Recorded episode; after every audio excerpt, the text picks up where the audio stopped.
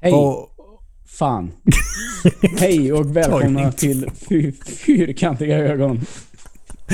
Fan, jag som tänkte att idag är det jag som drar igång det här och så tänkte jag, jaha, Emil väntar på mig. Jag kör. Fan, inte ens det kan vi få till. men du, vi kör, vi kör tagning två.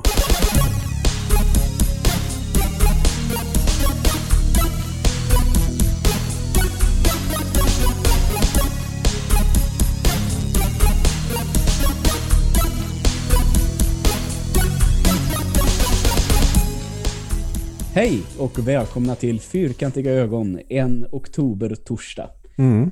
Snart dags att eh, der ställen der klocka tillbaka och eh, kanske för sista gången. Vi går in i vintertid och en mörkare tid. Fan, jag trodde du med att det skulle vara för sista gången för att vi kommer alla ha dött i corona. Nej, jag menar att eh, man ska ju tydligen få välja nu då de eur- europeiska länderna vilken tid man vill använda. Sommartid eller vintertid. Det ska inte fepplas med det där längre i alla fall. Ja, Det är jättekonstig grej, är det inte det? Att ställa fram och tillbaka. Mm. Ja, jo, alltså det... Alltså det, det gör väl mar- varken mig till eller från egentligen. Nej, inte mig heller, men bara grejen som så, om man tänker det som Alltså, en princip. Det är väl en sån där sak också som alla smartphones har eh, inte förstört kanske, men jag, jag upplever ibland att det var en större grej när man hade flera analoga klockor.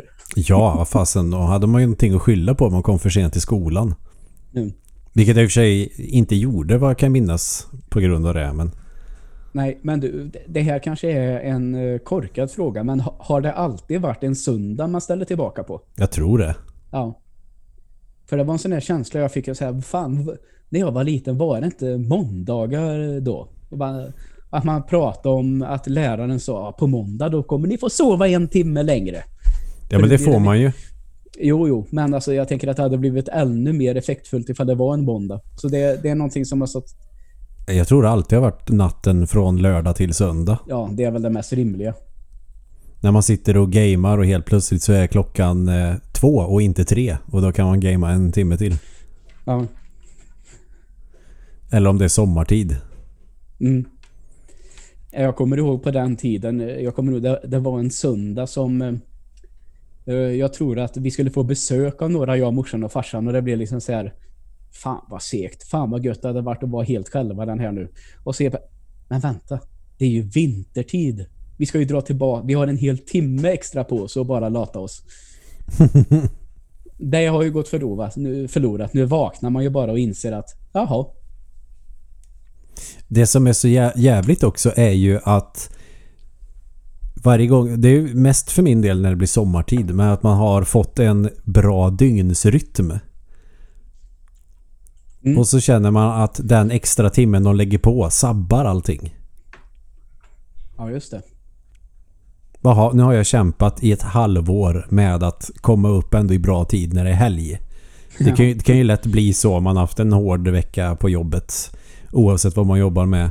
Och så vill man gå och lägga sig kanske lite senare än fredag för att det är fredag trots allt. Man vill suga ut så mycket som möjligt av den kvällen. Ja, ja, absolut. Och så har man schysst lördag ändå. Men känner ändå att ja, eh, nu är jag trött. Nu kan jag gå och lägga mig i tid. Trots att jag suttit, suttit uppe länge på en fredag. Mm. Och så vaknar man på söndag och så bara nej.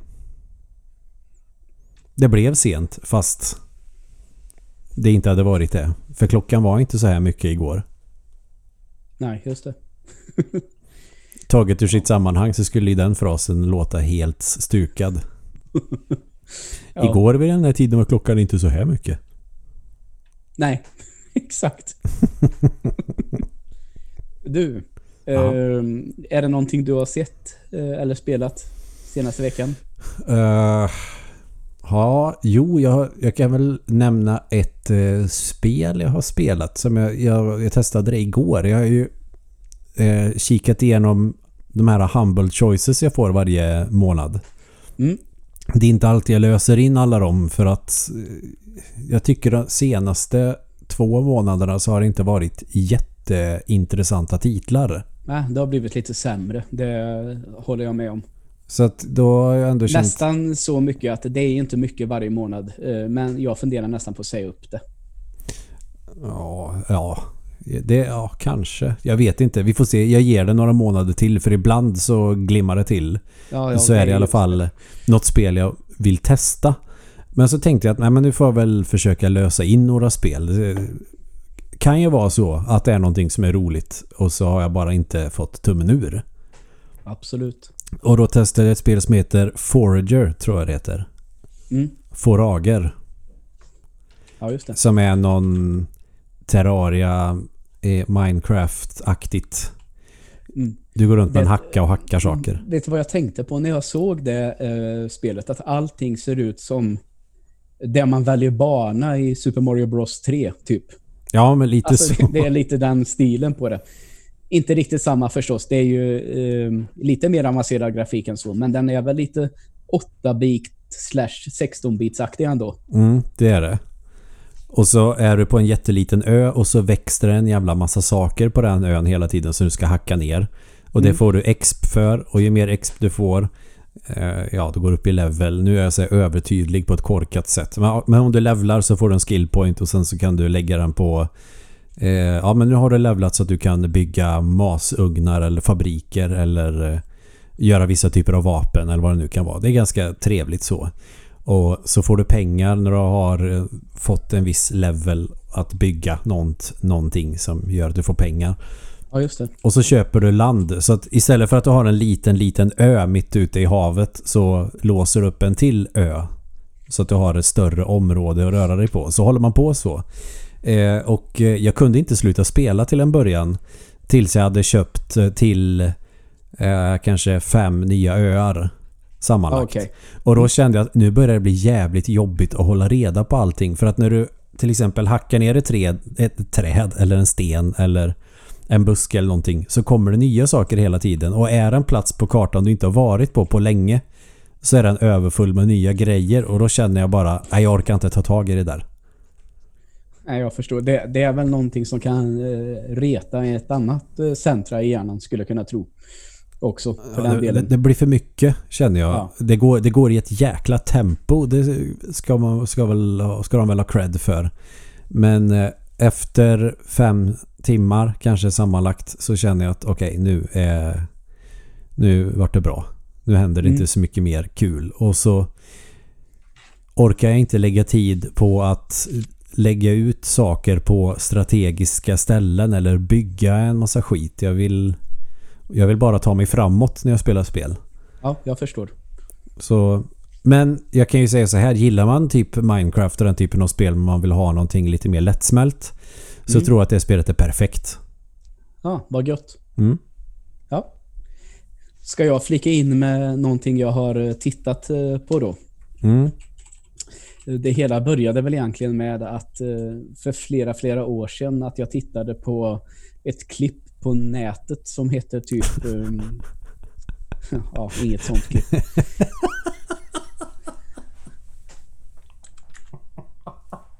Åh fan, jag är så... Ja, förlåt, jag är så flamsig. Ja, ja nej, det, bollen låg på straffpunkten skulle man väl kunna säga. Eh, Men det var på YouTube. Ja. Och eh, det handlade det hette någonting eh, Top 10 Darkest Disney Pictures. Mm. Ehm, och det visade sig att Disney eh, i mitten på 80-talet gjorde en jävligt mörk fantasyrulle. eh, som heter The Black Cauldron. Mm. Och den har också gått eh, till historien som eh, filmen som nästan fick hela Disney att gå omkull där på 80-talet. Oj. Det var, det var en period då eh, efter Walt Disneys död egentligen skulle man kunna säga, då, då de famlade lite i mörkret med vad de skulle göra för filmer. Ehm, och då försökte de väl, okej vi gör inget barnsligt nu utan vi gör någonting som är lite mörkare och det slog så jävla fel. Så det är väl en av få Disney-rullar som har gått minus på Oj. bio. Eh, Så det höll på att gå riktigt illa det där. Eh, Sen så räddade de ju upp det där, eh, som tur är. Och det vet vi idag, hur de... Det är ju succé på succé, helt enkelt. Ja, ja fan. Men- 90-talet är ju fantastiskt. Ja, visst är det det. Inte en enda Eh, dålig film typ. Nej, exakt. Men eh, i alla fall, eh, så jag började söka efter den här The Black Cauldron på Disney Plus och lyckades inte att hitta det. Men det berodde sen, eh, visade sig att eh, jag har ju mitt Disney Plus på svenska. eh, så. Eller jag har min Apple TV på svenska rättare sagt. Så eh, jag var tvungen att hitta den svenska titeln som visade sig att vara Taran och den magiska kitteln. Ja, är det den? Eh, ja, du ser, det blir lite så. Eh, för ganska många jag har pratat med. Jaha, är det den? Eh, så. Det, jag vet dessutom inte jättemånga som ens har sett den här. Och jag hade faktiskt inte sett den förrän nu i veckan. Jag, jag vet inte. Jag känner ju igen det jättemycket. Jag vet vilken film det är. Sen om jag sett den är en annan femma. Men jag vet vilken det är. Mm. Och eh, man kan väl säga så mycket att eh, jag förstår varför den floppade. För den sticker ju ut extremt mycket, tycker jag, från de andra tecknade Disney-filmerna. Mm. Och eh, en av orsakerna som jag tror, jag tänker så här att naturligtvis de flesta, man, man vill att barn ska gå och se den här filmen på bio. Man vill att föräldrar ska ta med sig sina barn. Och så kan jag känna så här ibland att några filmer som kom några år innan det Mm. har varit lite så här glada musikalnummer och, och så tänker man så här och, och jag ska ta med min med mitt barn och se den nya Disney-filmen och så har man inte riktigt koll och så förväntar man sig kanske talande djur. Och så slutar det med att det är vandrande skelett med långa svärd och en bad guy som ser sjukt ondskefull ut. Alltså den är ju jävligt creepy animerad och tecknat, det får man ju säga. Mm. Så jag tror att det var nog det som slog fel, att världen var inte riktigt mogen för den typen av tecknad film, tror jag. Jag kommer osökt också att tänka på, eh, jag vet att du känner igen det här namnet, Eh, han har varit uppe förut, eh, Don Bluth. Ja, men det vet jag i allra högsta grad vem det är. Det är ju Dragon Slayer-gubben. Ja, och han var ju, jobbar ju som animatör på Disney, men valde att gå vidare och göra egna filmer istället. Mm. Och några av de kändaste där är ju den här, bland annat Resan till Amerika och Landet för länge sedan. Mm. Och de kan man säga, de mixtrar ju med ganska mörka teman i alla fall och inte alls det här superglada som Disney ofta stod för. Så jag tänker att det kändes verkligen som en sån Don Bluth-film Mm. faktiskt. Så, och kan väl tycka den var helt okej. tycker jag. Mm. Eh, Det blir eh, kanske lite lidande av att man ser att det bygger ju tydligen på en irländsk eh, folksaga. Och eh, finns flera böcker som folk har skrivit på det här temat också. Och då ser jag att de har valt att slå ihop två böcker på, så jag tänker att det är i alla fall närmare tusen sidor som de här böckerna landar in på. Så ska man liksom pressa in en hel del på en timme och en kvart. Oj, ja. Men alltså det, det blir lite så, tänk så här, och jag skulle, nu vet jag att det finns en tecknad Saga om ringen, men tänk om det skulle komma en ny. Och man ska låta sig inspireras av de tre filmerna som finns, men pressa ner det till en timme och en kvart. Ja, det skulle ju inte gå. Nej, lite så känns det som att eh, um, det var svårt att förstå storyn ibland. Men varför är de här? Var kom de här? Varför är det här viktigt? Och så förstod man att det, jag tror att det egentligen hade behövts berättas mer däremellan, men det är helt omöjligt i den här typen av film. Mm. Skjuta sig själv i foten, ta sig vatten över huvudet, kalla, vad det, kalla det vad man vill liksom. Men Kalla det vad vill du? Ja, just det. Men sen vet vi ju bara fyra år senare, tror jag, så kommer ju den lilla sjöjungfrun och eh, ordna upp allting för Disney igen och sen rullar det ju bara på därifrån. Så det, Mm. ja, Resten är historia. exakt. Är det någonting mer som du har? Har du sett någonting? Jag har nämligen en sak till som jag vill ta innan vi kickar igång Ja, men ta, allvar. ta det. Bra. Eh, har utnyttjat mitt Game Pass eh, lite här nu, ett par dagar. Um, och spelat eh, Dishonored 2. Mm. Um, kan man tycka att det, det, det är lite märkligt att jag väljer det, för jag fastnade inte för det första alls. Tror inte ens att jag tog mig igenom det. Men så hörde jag lite intervjuer med, som lite andra poddar och sånt har gjort och då är det väldigt många som lyfter fram Dishonored 2. Och även personer som kanske är eh, lite som jag som har ganska svårt för det här påtvingat smygande i spel. Mm. Men eh, där det har sagts att just i den här andra spelet här så är dina möjligheter att lösa problem så jävla bra gjorda och du, det är verkligen din spelvärld. Så då blir jag lite sugen att testa det. Mm. Och då är det så, då är det här kommer ju verkligen Game Pass till sin fulla rätt. Att jag kan testa det utan att betala för det. Utan jag har de här 79 spänn i månaden och det är bara att installera och testa. Så skulle man inte gilla det så känns det verkligen inte som en förlust. Och jag säger att nu har jag spelat eh, tre uppdrag. Det är väl ungefär en tredjedel in i spelet. Och jag håller verkligen med om den här eh, din fantasi som sätter gränserna hur du vill ta dig an ett problem. Mhm. Och det tycker jag är fascinerande hur de har löst det här. Och sen ser ju också världen de har byggt upp är ju också helt fantastisk. Både lite det här, man kan tänka sig, det är lite god, viktorianska kanske man säger, London och lite skitigt sådär. Den känslan fångar de i väldigt många miljöer men också kommer in i lite det här steampunk-aktiga. Mm. Eh, Även om de här fienderna kallas för clockwork soldiers, alltså de är, bygger på sådana här kugghjul som finns i klockor, så riktigt steampunk kanske det ändå inte riktigt är. Men även designen på de här elementen känns väldigt steampunk. Minus ångan då, om Mm, man säger mm. så. Men eh, så miljöerna är helt fantastiskt eh, uppbyggda och det här att man ska ta sig igenom eh, det finns här vissa områden av, i den här staden som du mm, får utforska ganska fritt. Det är liksom dörrarna är liksom stängda. Eh, Du kan inte gå igenom för då får du en kraftig elstöt och dör. och sen, nu ska jag ta mig igenom här och jag vet att jag kan naturligtvis leta upp en sån där box och stänga av den här. Men jag tänker, ja, nej, vad fan. Det gjorde jag förra uppdraget. Jag ska försöka lösa det här på ett annat sätt. Och eh, um, så letar man runt lite och så kan man kanske teleportera sig upp på en balkong och dyrka upp en dörr och så hittar man liksom en egen väg runt. Men det som är så häftigt med det här, du vet att i många sådana här spel, ehm, bland annat det senaste FIF-spelet som fick kritik för att liksom ehm, där du kunde klättra så var det nästan så att det området lystes upp lite och sa till dig. Här kan du klättra. Mm. I det här spelet saknas allt sånt, utan det är att prova sig fram som gäller i så fall. Det kan vara det- väldigt trevligt när det är så också. Ja, eh, verkligen.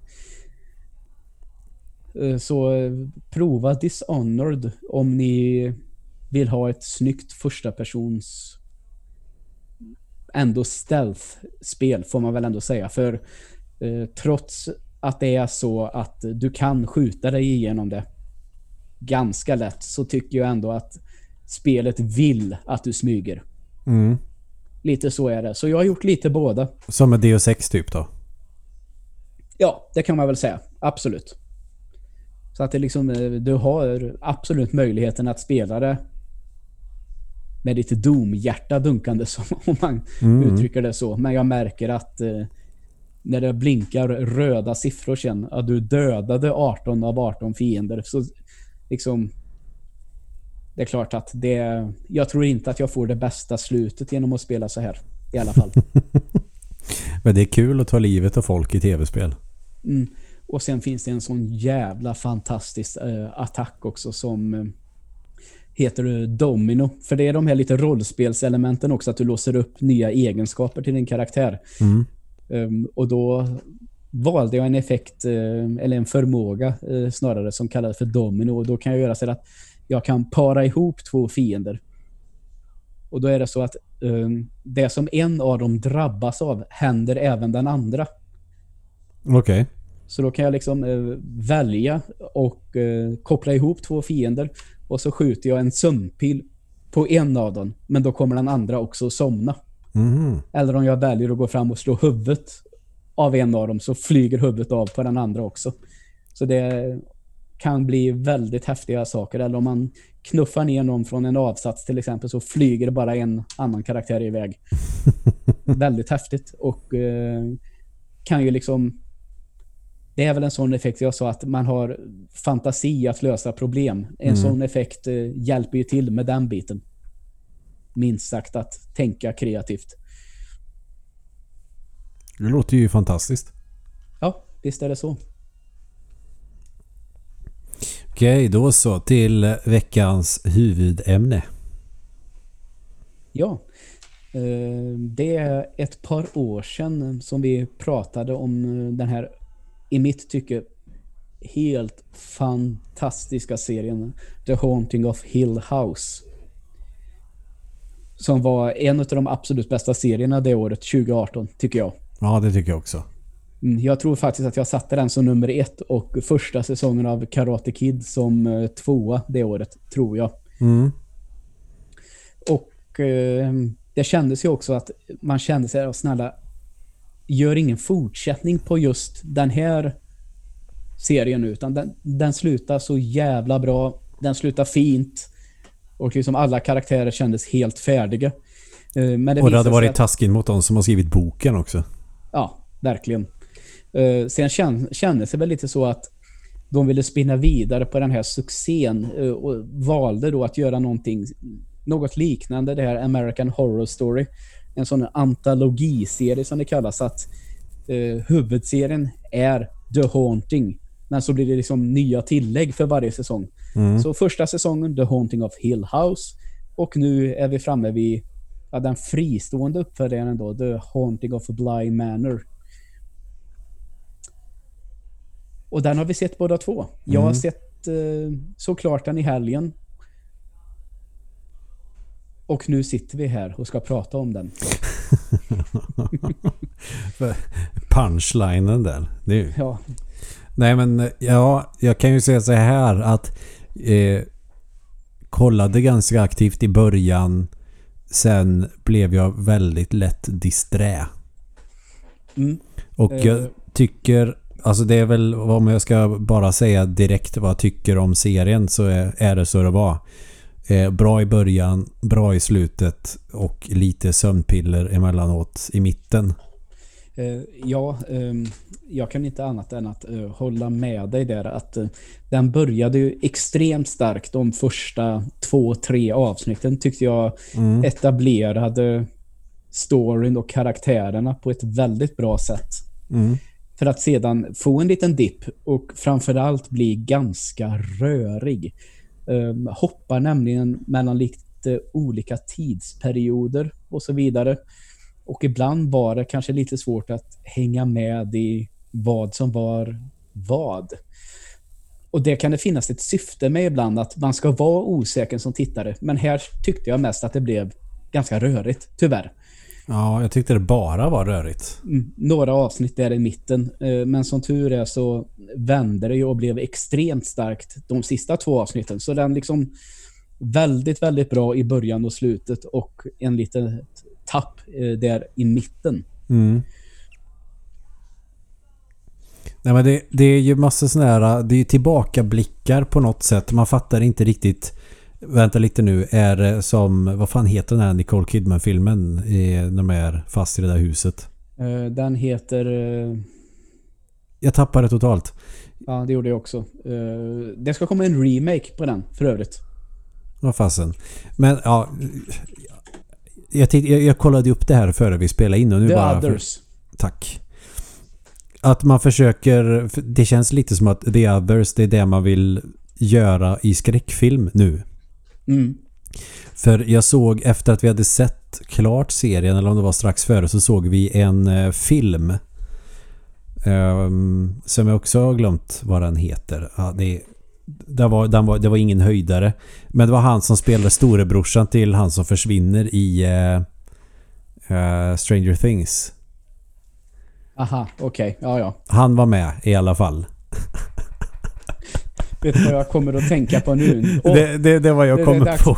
Det är dags för eh, Det är dags för dagens, kvällens första lilla avstickare. Nu, nu, nu när du pratar om film på det här sättet så tänker jag direkt på ett avsnitt från den fantastiska serien Macken. När Roy ska berätta om en serie för sin bror Roger och Mm. säger Det var förresten hon som var med i den här andra serien eh, som handlar om han de aldrig kunde hitta. Såg du den? Och Roger säger Hej. Nej men nu, nu passade jag faktiskt på att kolla upp vad den Ja. heter. Marrowbone. Ja, just det. Ja. Eh, Den kollade vi på. Det, det är typ den segaste jävla filmen jag har sett i hela mitt liv. Ja. Alltså det är bara, det är bara liksom tråkig ångest. Inte snygg eller gripande ångest som det kan vara i vissa filmer. Utan bara...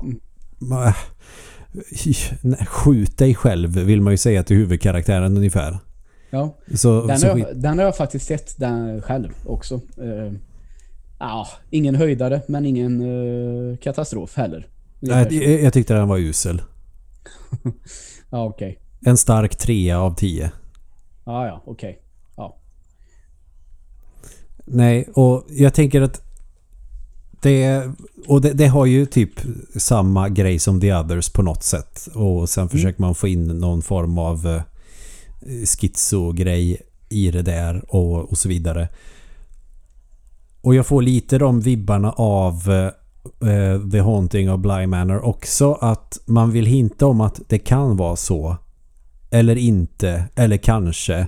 Eller eller, eller, och sen helt plötsligt så är det en tillbakablick med en karaktär man inte bryr sig så mycket om. Och sen funderar man igen. Är det så eller är det inte så? Är det bara den som är död och de andra inte? Eller alla spöken? Och så vet inte au pairen det. Eller vad, vad, vad fan är det som händer? Så satt jag mest och eh, det blev irriterande till slut. Eh, ja, ehm, jag håller med. Och samtidigt som jag tycker att eh, det är så jävla fin den där balansgången. När en serie hintar om saker. Om hur det kan vara. För naturligtvis så tycker jag att det är så att i ett mysterium så ska det också läggas ut lite hintar som tittaren liksom kan använda sig av för att börja tänka. Hur är det här egentligen? Ja, så man känner sig Och- investerad i storyn. Och emellanåt, även där i mitten, de här lite sämre avsnitten, så tyckte jag att den här serien gjorde det ganska bra. Däremot så kan jag väl känna att vissa avsnitt kanske... Man kan säga att två avsnitt kanske hade kunnat slås ihop till ett. Mm. Alltså att det, det blev lite för långdraget emellanåt. Så att det kanske hade räckt om den här var åtta avsnitt lång istället för nio. Nu är inte nio avsnitt jättemycket. Men jag tror faktiskt att den hade mått bra av att tajtas till lite på det sättet. Jag fick en känsla av att man fick att man ville göra en plot twist och så är den eh, känns den nästan super självklar. Och då försöker man kamouflera det som att ja fast det är inte bara så här. Det, det, det kommer en plot twist till och så en till och så en till och så går det i en cirkel och så är det den här enkla plot twisten man tänkte på från början. Mm. Med hon i brunnen. Ja, precis. Och då känns det meningslöst tyvärr. Lite så kände jag bara, ah, va? Är, är alla... Är det som i American Horror Story, den första säsongen där eller... Eller hur, hur är det egentligen? Vad, vad, vad ska, vad, var ska de ta det här? Lite så kände jag. Ja, eh, sen får jag ändå säga att det är en stor eh, eloge till dem att jag faktiskt tycker att de fick ihop det på ett sätt som inte var totalt uppenbart. Ja, absolut. Avsnitt 3-4 där någonstans. Så att det blev ändå ganska bra till slut. Eh, det var inte den här twisten som man tappar andan av, men det var ändå... Ah, de löste det så här. Mm. Det var ändå inte riktigt vad jag hade räknat med. Nej, alltså jag hade ju inte räknat ut det. Mm. Men det kändes Nej, lite billigt emellanåt. vi kan väl göra klart att vi, vi pratar väl om den lite fritt idag ändå Mm, kanske mm. trots allt. Så jag tänker att hela den här grejen med att eh, de liksom kunde ta över varandra. Visserligen bara för en kort stund kunde ett spöke liksom kontrollera en annan och då mindes den personen ett minne om och om igen. Men också det här att om du säger till ditt spöke, ja, du får använda min kropp, Mm. så är det permanent. Och just den grejen tyckte jag blev ganska cool, faktiskt. Mm.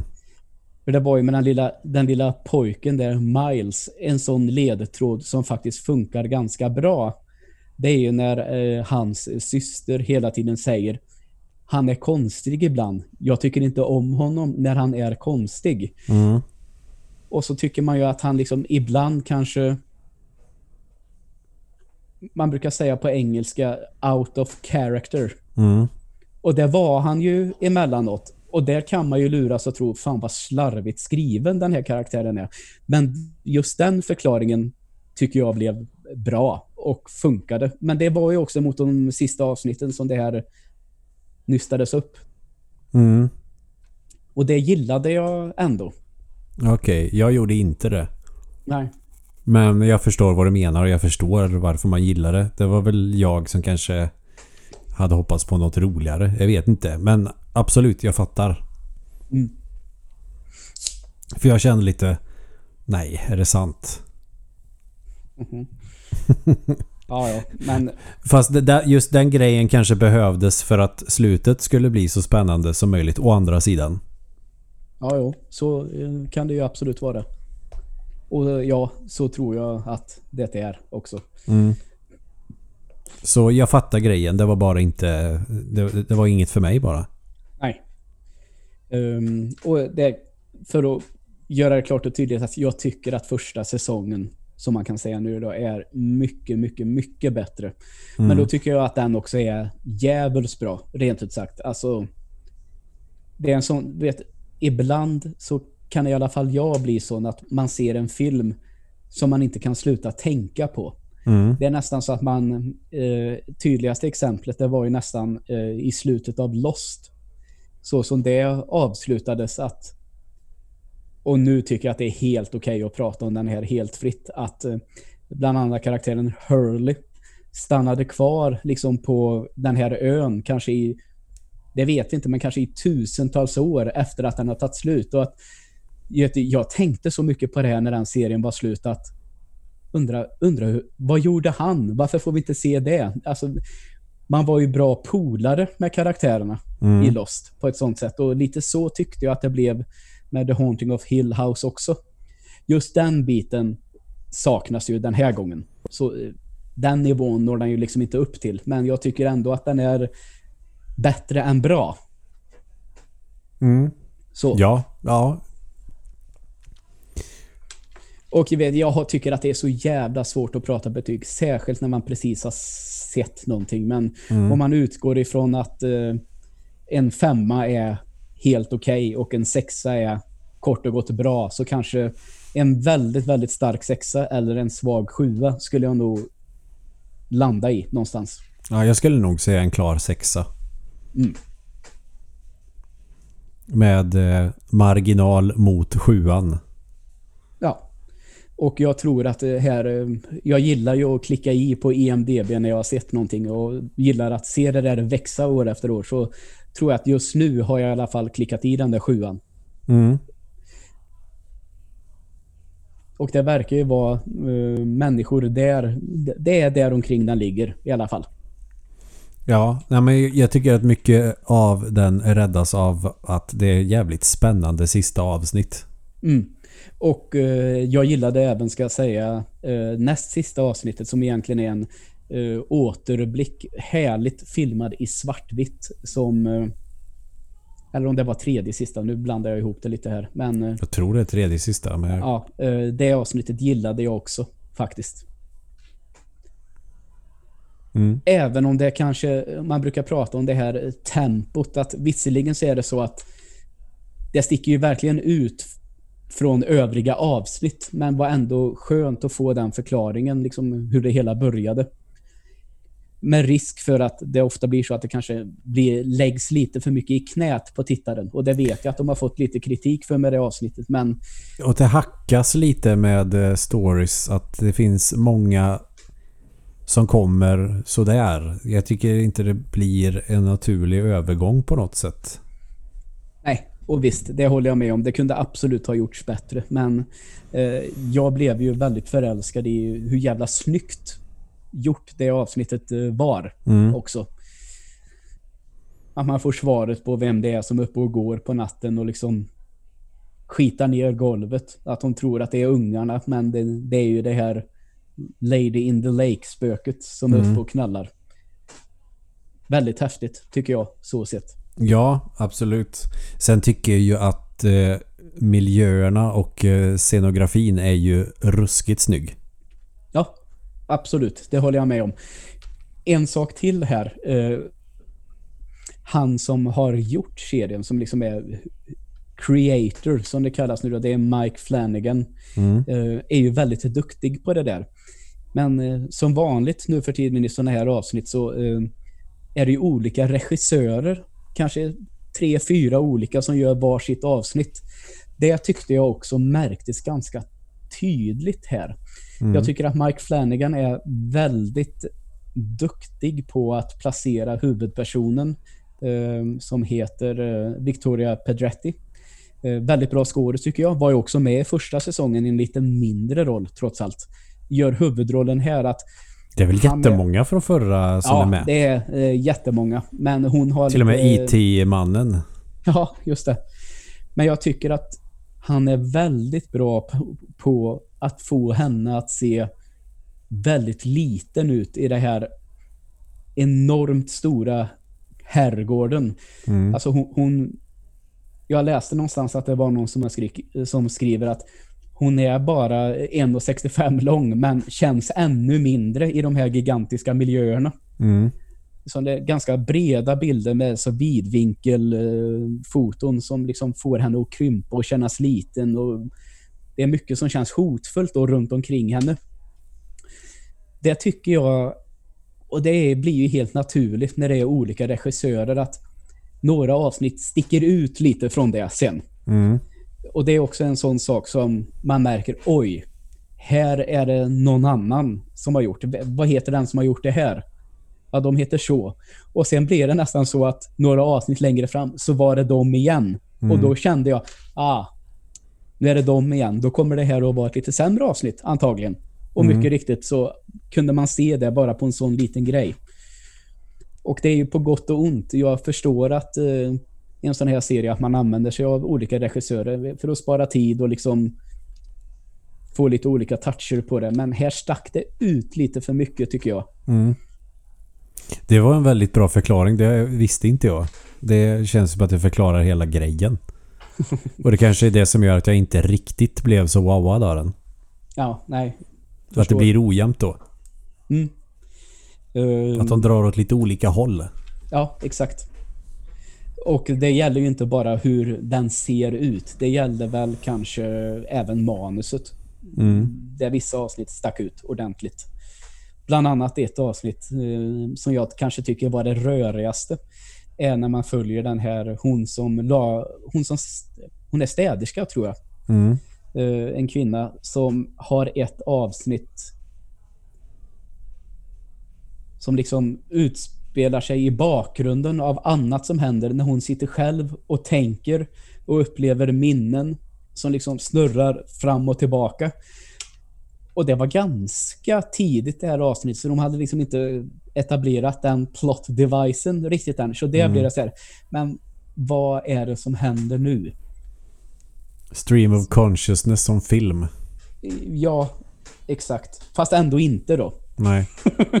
Så det, det är alternativ att ha slått ihop det avsnittet utöver flera andra avsnitt och kunnat göra ett mindre. Eller kanske placerat det lite senare. Mm. Kanske avsnitt 6 istället för avsnitt 4 typ. Så att man kan uppskatta det där istället för att känna att det är segt. Ja, exakt. Sen får jag överlag säga också att jag tycker att eh, det är någonting som är väldigt bra. Det är ju skådespelarinsatserna. Tycker jag är bara bra. Ja, ja, herregud, ja. Och det är också det som höjer serien lite. Tycker Det var jag. nog det jag tänkte säga är kanske det bästa med det. Förutom att det är snyggt allting. Att det är jävla bra skådisar. Mm. Och någonting som jag tycker är så... Jag vet att det känns som för några år sedan, kanske skulle säga innan det här med streaming kom igång ordentligt, så tyckte jag ofta att barn slash ungdomar kunde ofta vara ganska kassa. Men det är någonting som jag tycker har, om man kollar på filmindustrin och serieindustrin, det har de blivit ruskigt jävla bra på att hitta ungar som kan skådespela. Ja, det tänkte jag. Speciellt den lilla tjejen. Mm. Hon är väldigt, väldigt duktig på det. Mm. Och även killen, tycker jag. Men... eh, Ja, just det att de verkar växa på träd. Nu, eller vad säger man? ja, kanske. Ja, men du, den lilla grabben är ju bra för att jag tycker att han gestaltar karaktärerna som har tagit över honom bra. Mm, verkligen. Det håller jag med om. Det är nog inte det lättaste, tänker jag.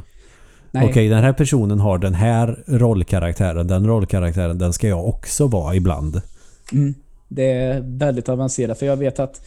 ehm, jag ska inte säga att det här irriterar mig. Men ehm, en sån karaktär som ofta får... ehm, man pratar om som extremt härlig. Det är ju... Dels för rollen som Håkan i Sunes sommar och Sunes jul. Men kanske även senare för eh, rollen som Max i Svensson Svensson. Så tycker man att han är så... Och han är så fantastiskt duktig. Men börjar man kolla på lite det här närmare. Är hon som gör systern Lina, är hon så jävla mycket sämre? Så, nej, det tycker jag inte. Men han har ju fått väldigt mycket krit, eh, god krit... Han har fått många lovord. Det var det jag ville säga. uh, alltså kan jag tycka, vad är det han egentligen gör? Jo, han är tio år och ska spela en person som är tio år. Det är klart att det inte är några större svårigheter. Men att han kläcker skämt som om han var vuxen. Ja, och sen kan man se de här eh, senare säsongerna de gjorde av den här serien när eh, samma skådis var med igen och ska spela en roll på ett helt annat sätt. Så märker man att nej, han var ingen bra skådis nu när han var vuxen. Liksom, du ska spela en person som jobbar på bank. Och det klarar inte han av. Och det är ju inte lätt, det begriper jag också. Men skillnaden här nu, det är att i den här serien så är barna inte bara som den här lilla tjejen. Det känns som att de har inte sagt till henne du ska vara en tjej på åtta år. Hon har så mycket djupare karaktär. Och även som du var inne på, även killen. Som dels ska vara en pojke på runt tio år, men också Nej, nu ska det vara den här andra karaktären i serien som är en man i 30-årsåldern. Och han är ju verkligen en annan karaktär när han gestaltar honom och det är ju så sjukt imponerande så att, ja.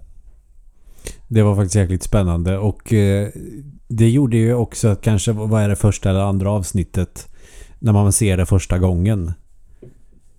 Att Ja. det, det är ju en väldigt tydlig omställning vilket man gör med vad fan är det för fel på den ungen. ja. Men det är också väldigt kul. Mm. Nej, jag, jag tycker att skådespelinsatsen är kanonbra. Hon som spelar au pairen tycker jag också är skitbra. Eh, och jag eh, blev fasen inte klok på vad det är för dialekt hon har. Nej, eh, jag tänkte på det också. Jag, jag skulle inte säga vad är det för dialekt människan har. Så är hon från södern? Bara, nej. Ja, nej här, precis. Eller vad- det är ungefär lika obegripligt som Brad Pitt i Snatch. Ja, Det är det mest, ja, ja precis. Det är det mest obegripliga vad det gäller. Vad, vad, vad, vad snackar han för dialekt? Mm. Nej, men hon har ju någon form av amerikanska som känns inte från storstad i alla fall. Det är... Nej, jag tänkte ju först från början, eh, det, det är väl också ganska tidigt serien när man ser när hon dyker upp där att är det här en amerikansk skådis som ska försöka spela en karaktär med skandinavisk brytning? Mm. Och att det, då tänker de så här låter en person med skandinavisk brytning. Eftersom hon har en Sverigeflagga på sin ryggsäck. Aha. Så ja, tänkte jag, aha, hon kanske ska spela en svensk au pair som åker till England och ska ta hand om barn. Mm. Eh, och det är därför hon låter så konstigt. För att hon ska spela en som har eh, skandinavisk brytning. Mm. Men jag fick ju, det, det gick ju inte riktigt... Det kändes ju inte riktigt som det heller för att Will Ferrell gör ju det jättebra i den här uh, Eurovision-filmen. Ja, eh, vill du veta en sak nu? Jag vill verkligen inte förstöra någonting för dig nu. Men Mm.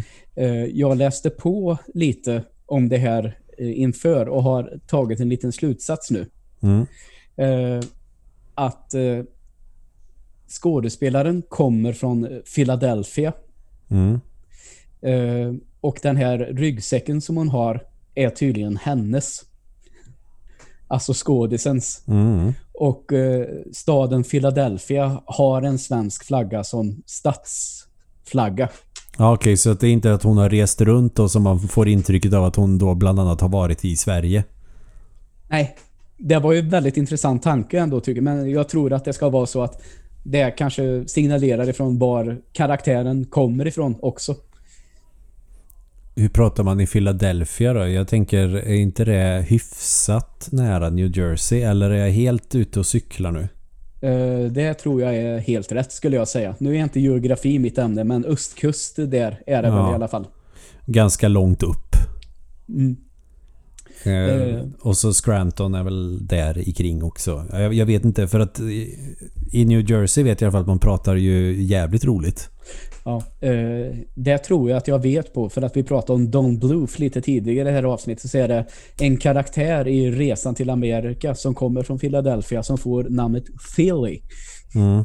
Och det är ju där på östkusten någonstans de kommer med den där jävla båten. Så jag tror att, ja, det stämmer. Ja, ge- Geografi är inte mitt ämne heller. Det är Evelina som är eh, geografitorsk. Hon har säkert koll på alla flaggorna någonstans i USA också. För hon kan ju typ alla flaggor i hela världen. Um, har Och det säger jag inte för att överdriva. Hon kan typ Nej. det. Det har jag en kollega som kan också. Det är sjukt imponerande. Och förklaringen är, jag gillade kartböcker och atlas när jag var barn. Det är fascinerande, tycker jag.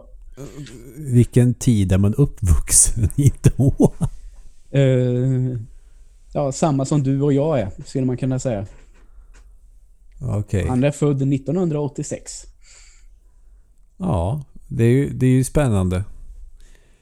Ja. Jag, jag tror jag aldrig har träffat någon... Eller ja, jo, jag, jag, jag lever ihop med en som har det intresset. Men Ja. jag tycker fortfarande att det är lika obegripligt. Ja, visst är det. Men, men det säger väl mer om mig å andra sidan. Ja, man har ju alla egenskaper som andra människor tycker är helt obegripliga. Som Ja. att eh, jag skulle kunna läsa upp alla repliker från den här jävla Kurt Olsson-filmen till exempel. Ja, faktiskt. Jag tar, jag tar tillbaka allt jag har sagt. Sen har jag i och för sig inte granskat mig själv vad jag skulle ha för obegripliga egenskaper mer än att jag har väl humor som en åttaåring.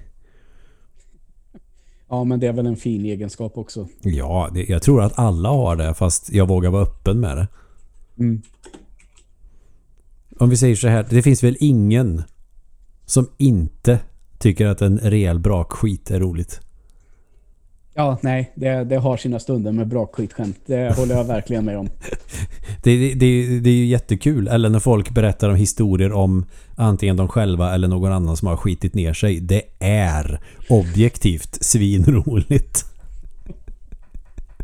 Ja, men det är för att eh, det, det som är så roligt, är- det, det är ju skammen i det. Ja, det är klart. Det är det roligaste. Åh, fy fan, stackars människor. Varför inte med mer sånt i den här serien? Ja. Det är ju, nej det är inte alls samma sak, men det, det är ju ett eh, kissa ner sig skämt med i serien. Ja, men det är inte, det är inte, det är inte riktigt samma grej. För det känns, Nej. det känns logiskt och förståeligt på ett helt annat sätt. Mm. Det var väl ett sånt här skämt som jag eh, inte riktigt fattade att eh, eh, wet your pants är ett brittiskt uttryck men inte ett amerikanskt. Uppenbarligen. Ja, det, nej, jag har inte tänkt på heller. Är det verkligen så? Ja men det att döma av den här serien så är det tydligen så. Jag har egentligen ingen aning men då det är när den här lilla tjejen springer in när hon har varit nära vattnet så säger hon ju att eh, den här au pairen hon sa don't wet your pants. Mm. Och då svarar hon, ja, men jag är inget barn längre. Det var ju länge sedan jag gjorde det. Och så är det annan som säger, ja, men hon, hon menar nog inte så. Hon menar att du inte skulle vara nära vattnet. Ja, och bli, och bli blöt helt enkelt. Mm. Blöta inte kan- ner byxorna nu. Ja. För det är väl antagligen det då det betyder. Ja. Att det är mer bokstavligt. Mm. Ja, i och för sig. Det enda gången som jag kan erinra mig att jag hört uttrycket för att pissa ner sig i en amerikansk film, det är ju i Röd Drake. Ja, när du- Edward Nortons karaktär ska få den här seriemördaren att balla ur. När han säger till sin son You pissed your pants. Eller något sånt där. Ja. Just det. Det är en ganska stark scen. Det, det var en sån grej som jag började garva helt okontrollerat åt. Fast egentligen bara en jävligt hemsk scen. Och spännande. Eh, I den serien så var det också en... eh, när jag såg den på bio, Röd drake. eh, det är en scen då det kommer ett mordoffer rullandes i en rullstol. Ja, Vet du vad jag menar? Ja, då, Ja. Då var det någon i biografen. När det sker så kommer det bara en rullstol så här med en person i så här "Åh!" ungefär. Då var det en person i bio, biografen som gjorde så här.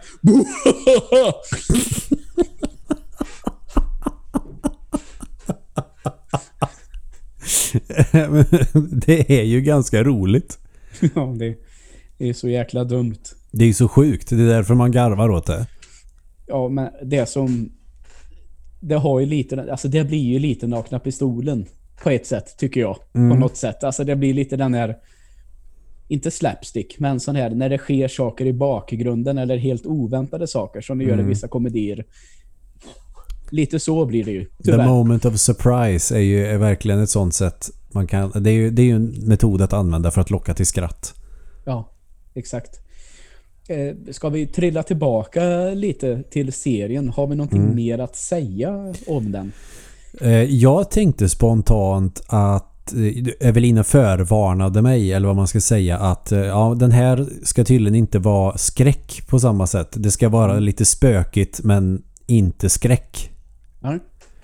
Eh, Det var bra att du tog upp det. För det är också någonting som jag har läst på lite.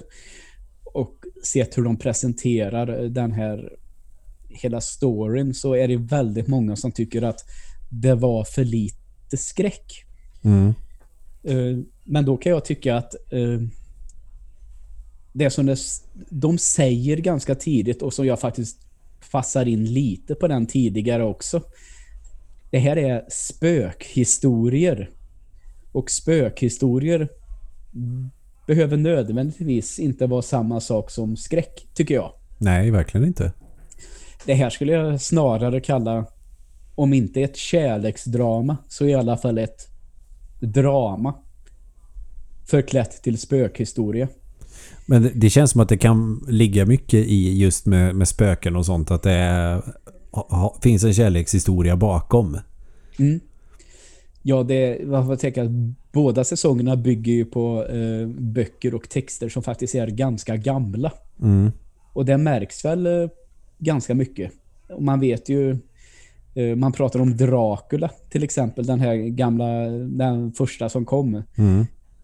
var ju väldigt det här kärleksaktiga och spöklika. Alltså det, att sätta Dracula in i en Blade-film till exempel så är det helt plötsligt action. Och så har det kommit eh, skräckfilmer med Dracula som kanske är nästan splatteraktiga. Så liksom man får tänka, om man verkligen går tillbaka till så som ursprunget är så är det inte riktigt samma sak. Blir det där väldigt rörigt det jag sa nu? Förstår du vad jag menar? Ja, kanske. Men jag tänker just skräckromantik är ju lite Mm. tantsnuskigt också. Ja, ja, absolut. Och det är ju även eh, Bram Stokers eh, Dracula. Ja. Men om man, om man pratar med någon idag som säger vad skulle du säga att en Dracula-film är? Så kanske man svarar för att ja, det är skräck. Och så ser man på det som moderna skräckfilmer ofta har sett ut. Mm. Men det är ju skillnad på skräck och skräck också, tänker jag. Alltså... Ja, det är ett extremt vitt eh, begrepp, förstås. Och eh, en spökhistoria, nu kanske det är ett uttryck man använder för att det ska vara en läskig historia. Men det som jag ser i den här serien är väl kanske inte spökhistoria i form av skräck utan eh, en vålnad som eh, inte fasen vet jag längtar efter eh, sin familj eller såna här grejer. Att det är mer mm. en sån sorglig grej snarare än att det är någon... Det är inte exorcisten direkt. Nej, exakt. Tycker faktiskt att det, båda de här eh, säsongerna när man har fått payoffen att det är ganska fina berättelser försatt, mm. förlagt i något liksom lite sorgligt och sådär skräckromantiskt. Mm. Ja, det sa du någonting att det finns en melankoli i det. Mm. Och att eh, de som är läskiga, säg Dracula kanske eller eh, Frankensteins monster, det är ju fan mycket melankoli. Ja, det kan man väl lugnt säga. Speciellt i Frankensteins monster, där är det ju fan bara melankoli. Ja, det här att eh, monstret vill ha en, ja vad säger man? En fru. Tack, en fru ja. Det är det han allra helst önskar sig. Adam vill ha sin Eva, annars så stämmer det inte. Exakt. det, det känns ju rätt uppenbart. Eh, så nej, eh, även jag, min tanke är att jag skulle nog vilja att den här var mer skräck. Inte att jag tycker att det var för lite skräck för att jag visste på vilka premisser jag skulle se serien så jag hade inte de förväntningarna. Eh, utan jag tänker snarare, fasen, det här skulle vara lite roligare om det faktiskt var skräck. Inte mycket, men lite mer som kanske i eh, den förra serien. Ja. Ja, för det så den, den första säsongen är ju lite otäckare kan man ju säga. Mm. För de, de, de gör ju lite med han med de här blänkande glasögonen som dyker upp då och då som man inte riktigt heller fattar vad det är. Men man vet att det är någonting som följer efter henne. Ja. Som hon inte har tagit i tur med. Mm. Och det handlar kanske snarare om svek snarare än exorcisten. Ja, verkligen. Eller ett uh, upplevt svek. Att hon är helt enkelt hemsökt. Ja, precis. Och sen skulle jag tolka det lite som du vet uh, han som spelar farbron till uh, barnen. Mm. han så att säga pratar med sig själv ibland. Mm. Och då ska det vara som att det är hans spöke som pratar med honom. Men där skulle jag kunna säga att det är på något är det hans samvete som pratar med honom då på något sätt. Liksom hans, hans ångest som liksom, det var lite den känslan jag fick. Men han har ju ihop det med ungarnas morsa, eller hur? Ja. För den dottern är ju egentligen hans barn. Så, mm. nu var det en liten spoiler. Men jag vet inte om det här är någonting jag har sett i någon annan serie eller läst eller vad fan det nu kan vara. Men att det kan vara så om han då känner att han har förlorat deras mamma, att de hade ihop det efter att hans brorsa dog. Att hon är i honom och att det är henne han pratar med. Och jag tycker att jag har sett det någon annanstans. Mm. Är det kanske för, första säsongen med den pappan de har att han har med sig sin fru som spöke hela ja, tiden. Jo, eh, så är det ju. Nu, då vet jag vart det kommer ifrån. Att det är lite för, samma för, grej där. Mm, för det, det, känslan jag fick den här gången, det är väl att eh, jag tycker att det här eh, spöket då, om vi väljer att kalla det så, mm. Är ganska dryg och elak mot honom. Mm och liksom gnager på honom sådär. Alltså, vet, det var därför jag tänkte samvetet gnager. Liksom, han kan inte sluta tänka på att det är hans fel att det har blivit så som det blev. För mm. de åkte iväg och dog på den här resan. Det är ju för att hon var otrogen med honom och skulle försöka lappa ihop det här förhållandet. Det är som jag tänker att om det var barnens mamma som var och pratade med honom så kanske jag hade känt hade den varit så dryg då mm. Det, det, är bara det. Så det är därför jag har tänkt att eh, det är hans eh, samvete som spelar honom ett spratt. Liksom. Ja, kanske. För det vet man vet att det har ju hänt att man har gjort någonting som man känner det här blir inget bra. Och så är det som att det är en röst i huvudet som hela tiden påminner om, om det där korkade man gjorde. Och sen är det just det också att han inte är supernärvarande i deras liv heller utan det är alltid andra vuxna som inte egentligen har någon relation från början till dem Mm, som de växer upp med och eh, knyter sig an till. så är det ju.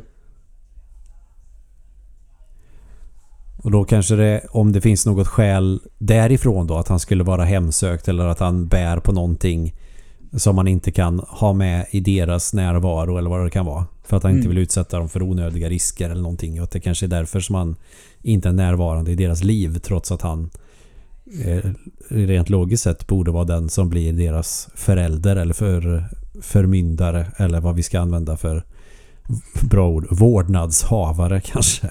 Ja, det är väl ett vackert ord. Vilket han kanske är i och för sig, men han är ju inte med. Nej, exakt. Ja, jag tänker det är ju mina tankar kring den serien och jag har väl försökt att hålla mig hyfsat från spoilers men det, det kommer man inte undan från. Men vi har inte avslöjat något vik- jätteviktigt tror jag. Uh, Vi har ju sagt att, men det, inte hur. Nej, det är klart jag... ehm, lite har vi väl pratat, trots allt. Ja, ja, men spoilervarning kommer det vara i eh, poddavsnittets eh, beskrivning ändå. Men Ja, det är ju, spoila inte sönder den i alla fall. Nej, det är absolut inte. Men är det någonting mer du tänker på som du vill lyfta kring blymanor? Bara, bara en sista liten grej. Och det är väl att eh, huvudpersonen som spelar rollen Danny eh, tyckte det redan i första säsongen men har väl fått det bekräftat den här gången. Hon har filmvärldens absolut bästa Jag är livrädd skrik. Alltså när hon skriker, det går ju fan kalla kårar genom ryggen på en. För hon låter så jävla rädd när hon skriker. En riktig scream queen alltså. Ja, det kan man väl lugnt säga. Men just det, det finns något sånt... Hon fångar någon sån här jävla äkta känsla i ett sånt där skrik. Mm. Som bara jag var ren ångest och ren panik. Och det tycker jag hon får till så jävla bra. Aldrig reflekterat över, det är ju dumt. Ja, det är lite synd. Uh, spoiler. Uh, bland annat i första säsongen där hon inser själv att hon har så att säga spökat för sig själv.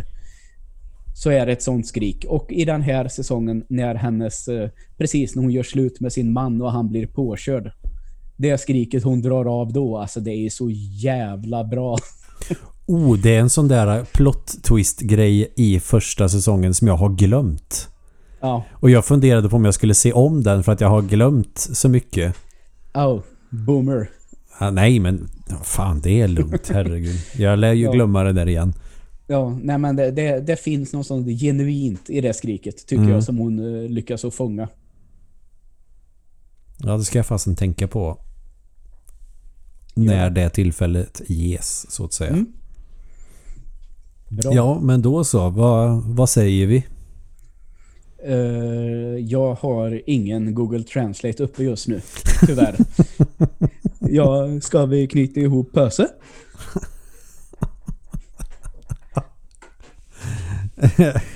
Vad säger du på västgötska då? Nu ska vi ta och knyta ihop säcka. Det är nästan det roligaste hittills.